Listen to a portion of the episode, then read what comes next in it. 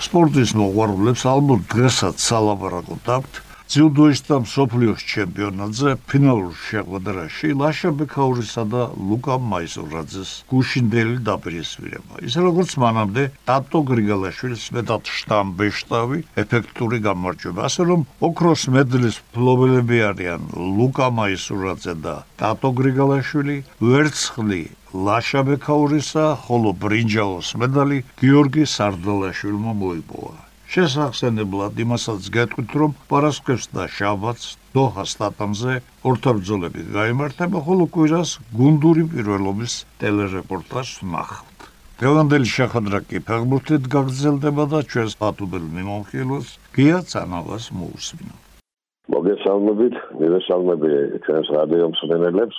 ჩვენი დღევანდელი საუბარი დაიწყო მინდა ეროვნული დიდი ჩემპიონატის მატჩებით, გამართა მომდენო ტური და საინტერესო რაღაცები მოხდა. თბილისის დინამომ ერთ-ერთმა ლიდერმა სააგო სამგურავთან და პირველად არ მეშლება სამგურალი ბათუმის დინამოსთან ერთად მაქსიმალური კულებით 28-28 კულით პირველ მეორე ადგილში მყოფენ და უნდა გითხრათ რომ პირველი წრე არც ისე დიდი ხანია რაც დამთავრდა მეორე წრე ახლა დაიწყო და უკვე გამოიკვეთა ის გუნდები მე ვფიქრობ რომლებიც ბრძოლებენ ჩემპიონობისთვის და ძალიან საინტერესო ჩემპიონატი გველის მე ასე ვფიქრობ იმიტომ რომ საკმაოდ ძლიერი გუნდებია იგივე ბათუმის დინამო იგივე სამგურალი თბილისის დინამო ტრადიციულად გორის დილა საბურთალო და ვფიქრობ რომ ძალიან უკომპრომისო ბრძოლები და თამაშები გველის.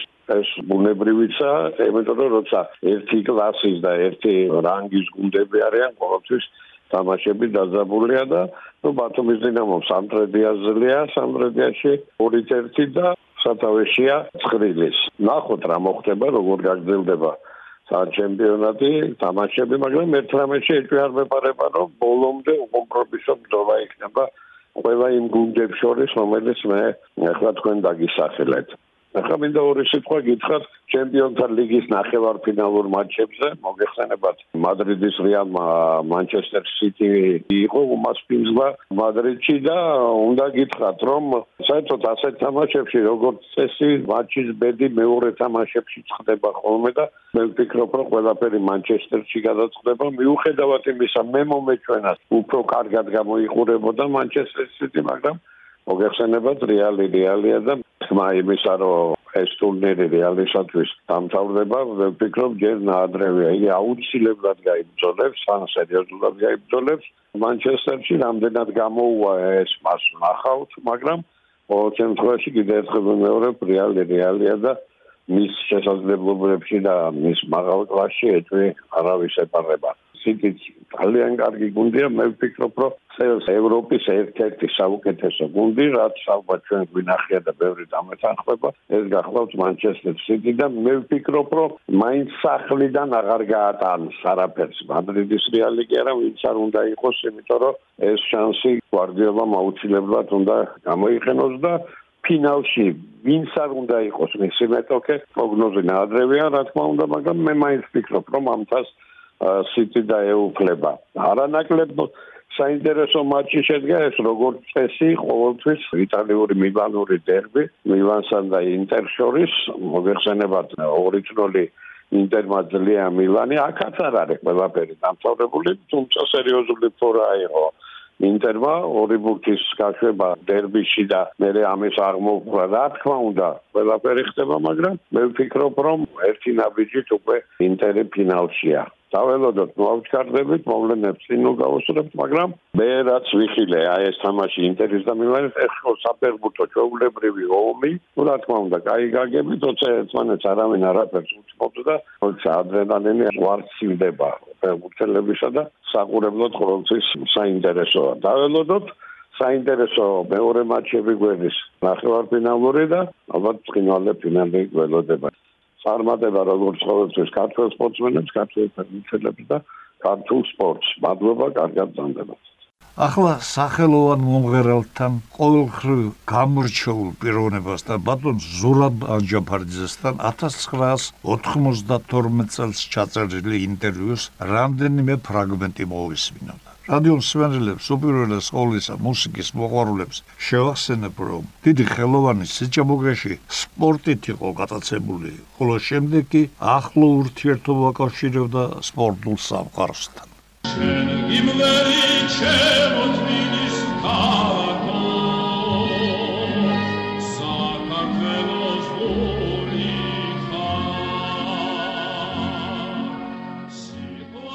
მეხსალოდი პირველ სკოლაში და პირველივე კლასიდანვე ჩვენი მასწავლებელი იყო ბატონი არჩილ ბაქრაძე, ფიზკულტურას მასწავლიდა. დადიოდა ჩვენთან ასე ვთქვათ კონსულტაციებზე კიდევ დიდი ბატონი გიორგი ეგნატაშვილი, მასაც მოესწარე მე, ასე რომ თავიდანვე მასწავლებელზე ძალიან ბევრია დამოკიდებული და ძალიან შეგვიყვარდა სპორტი.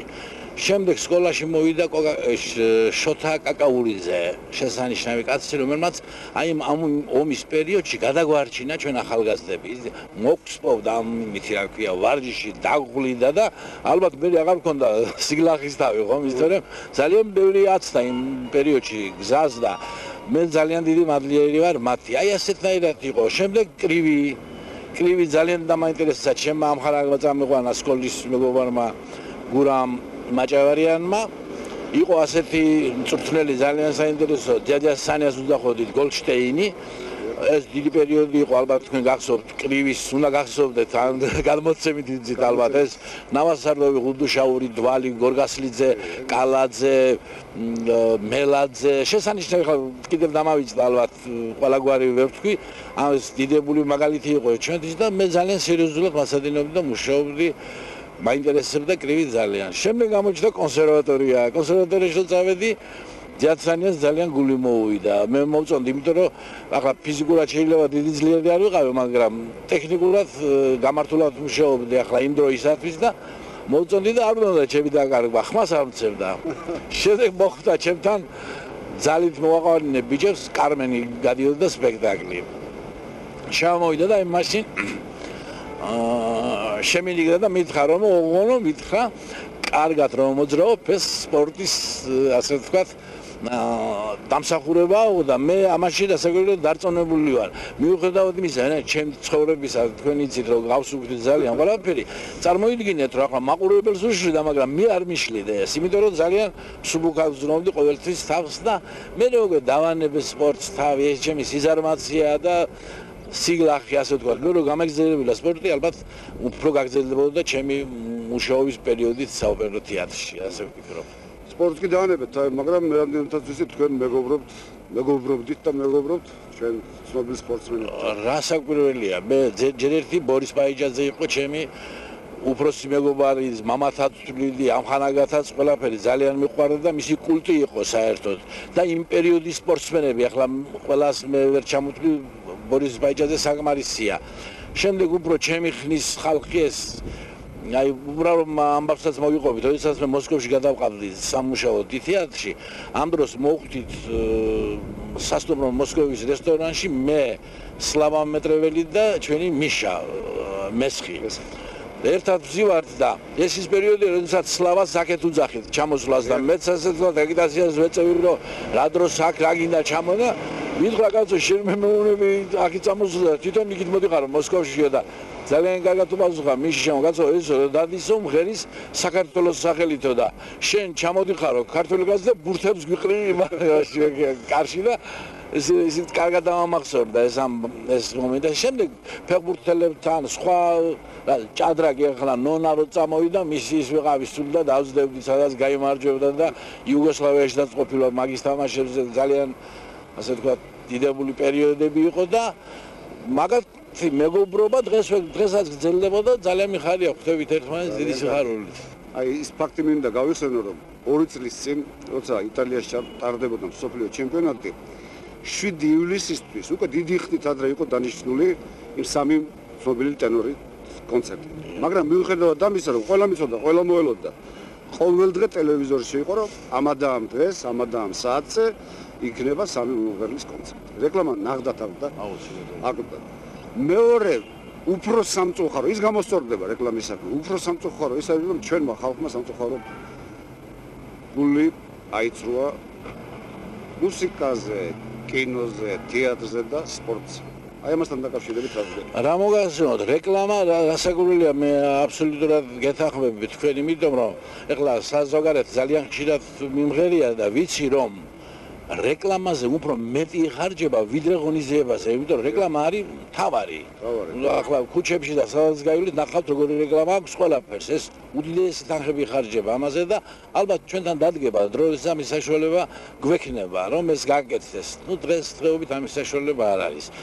ეხლა რაც შეეხება ხალხის მიერ ასე ვთქვათ გულისაცრუება ისეთი გარემოცვა დღეს ისეთი გარდატეხის პერიოდში იმყოფება ჩვენი ქვეყანა ჩვენი ასე ვთქვათ აი ეს დამოუკიდებლობის საკითხი როდესაც წყდება იმდენი რამემ გამოყო თავი მე არ მინდა ახლა იმ გაჭირებაზე და ყველაფერზე ვილაპარაკო რაც ყოველდღე გვესმის ჩვენგანაც და თავრობისგანაც. ყველამ ვიცით ეს ამბავი და ეს ასაკვირელია ძალიან დიდ გავლენას ახდენს ამ მაყურებლის მოყვანაზე. ამაშიდაც ვარ მე დარწმუნებული, რომ ყველა ქართველს ძალიან დიდი იმედი აქვს ხვალინდელი დღის და მე ვიცი, რომ დადგება დრო, როდესაც იქნება ანშლაგები, მაგრამ მესამეც არის კიდევ მიზეზი, მე მინდა გითხრათ, მესამე მიზეზი ის არის, რომ ყველა ხილს თავისი სეზონი აქვს. ჩემი სეზონი ცოტა გასულია და ახლა ვინც მოვიდა ძალიან დიდი პატივისცემით. გა- ყოველ შემთხვევაში სიმღერის დარგში გასულია და სხვა სხვა მხრივ არ გათვალა. აი ასე ფიქრობ. მე მაგალითად მიმაჩნია რომ დიდი სპორტსმენი თქვა საქართველოსათვის ისევე საამაყოა როგორც დიდი ხელოვანი და თუნდაც დიდი მეცნიერი. აი ეს დრო დადგება რომ თქვა ერი მივა ამ დასკვნამდე და ეს დრო როცა დადგება მე მგონი მაშინ უკვე პატარა ბავშვებს მშობლები ქუჩათ არ მოუასწენენ მაინდამაინც მუსიკაში აუცილებლად შეარული და თურმე ეს ბავშვი შეიძლება ყოფილიყო დიდი სპორტსმენი ან სხვა და ამ პირიქით, არა? ამ პირიქით ვერასპირ მე რა მინდა რომ გითხრათ, რა საგრელია ეს აქ ორი აზრი არ შეიძლება არსებობდეს. საუკეთესო და ღირსეული რა დარგშიდანაც არ უნდა იყოს, ეს ყველაფერში ჭირდება ერთს და ყველა ერთ დონეზე უნდა ჩავთვალოთ რა რასაც არ უნდა ემსახურებოდეთ. აი თქვენ ახლა ის იტალიელი ტანორები თქვით და აიღეთ პელე, რომელი რომელზე უკეთესია, ძალიან ძნელი საქმეა. შეიძლება შეიძლება მე მერთალია მომღერალი ვარ და შურიანობაში არ ჩავმართოთ, მაგრამ მე პელეს სიმაღლე მომღერალი ყოველ შემთხვევაში არ მინახავს ჯერ და ასე რომ ამას თავისი ის აქვს გაგება რომ უსათუოდ ეს ასია. მაგრამ რაც შეეხება მე აქ მინდა კიდევ რამე თქვა ეს ხელოვნება შეეხება ეს სპორტ შეეხება მეცნიერება შეეხება მე მეშინია რომ აი ამ პერიოდში როდესაც ჩვენ ძალიან გადასული ვარ და საჭიროა ხელებდაკაპიტებულები როგორც ვამბობთ მუშაობთ იმისათვის რომ ეკონომიური ეკონომიკური მდგომარეობა გამოვასწოროთ საქართველოს გამოვასწოროთ კი და დავაყენოთ ფეხზე ამ დროს ჩვენ ვაკუუმი არ გაგვიჩნდეს ხელოვნებაში, სპორტში და მეცნიერებაში.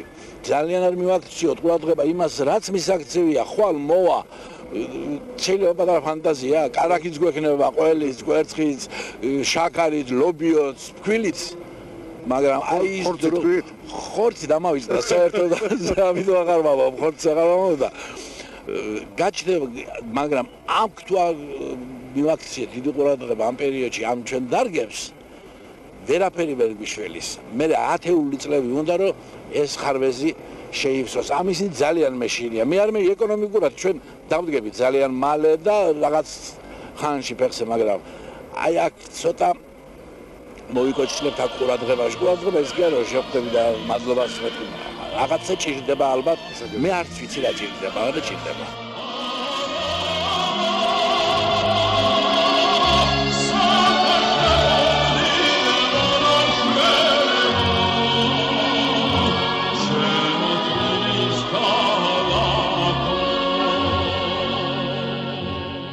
შევახსენებთ, რომ ეს იყო 1992 წელს ჩაწერილი ინტერვიუ ჩვენ სახელოვან მომღერალ ზურაბ ანჯაფარიძესთან, რომელსაც სულ ახლახანს დაბადების 95 წელი შეუსრულდება.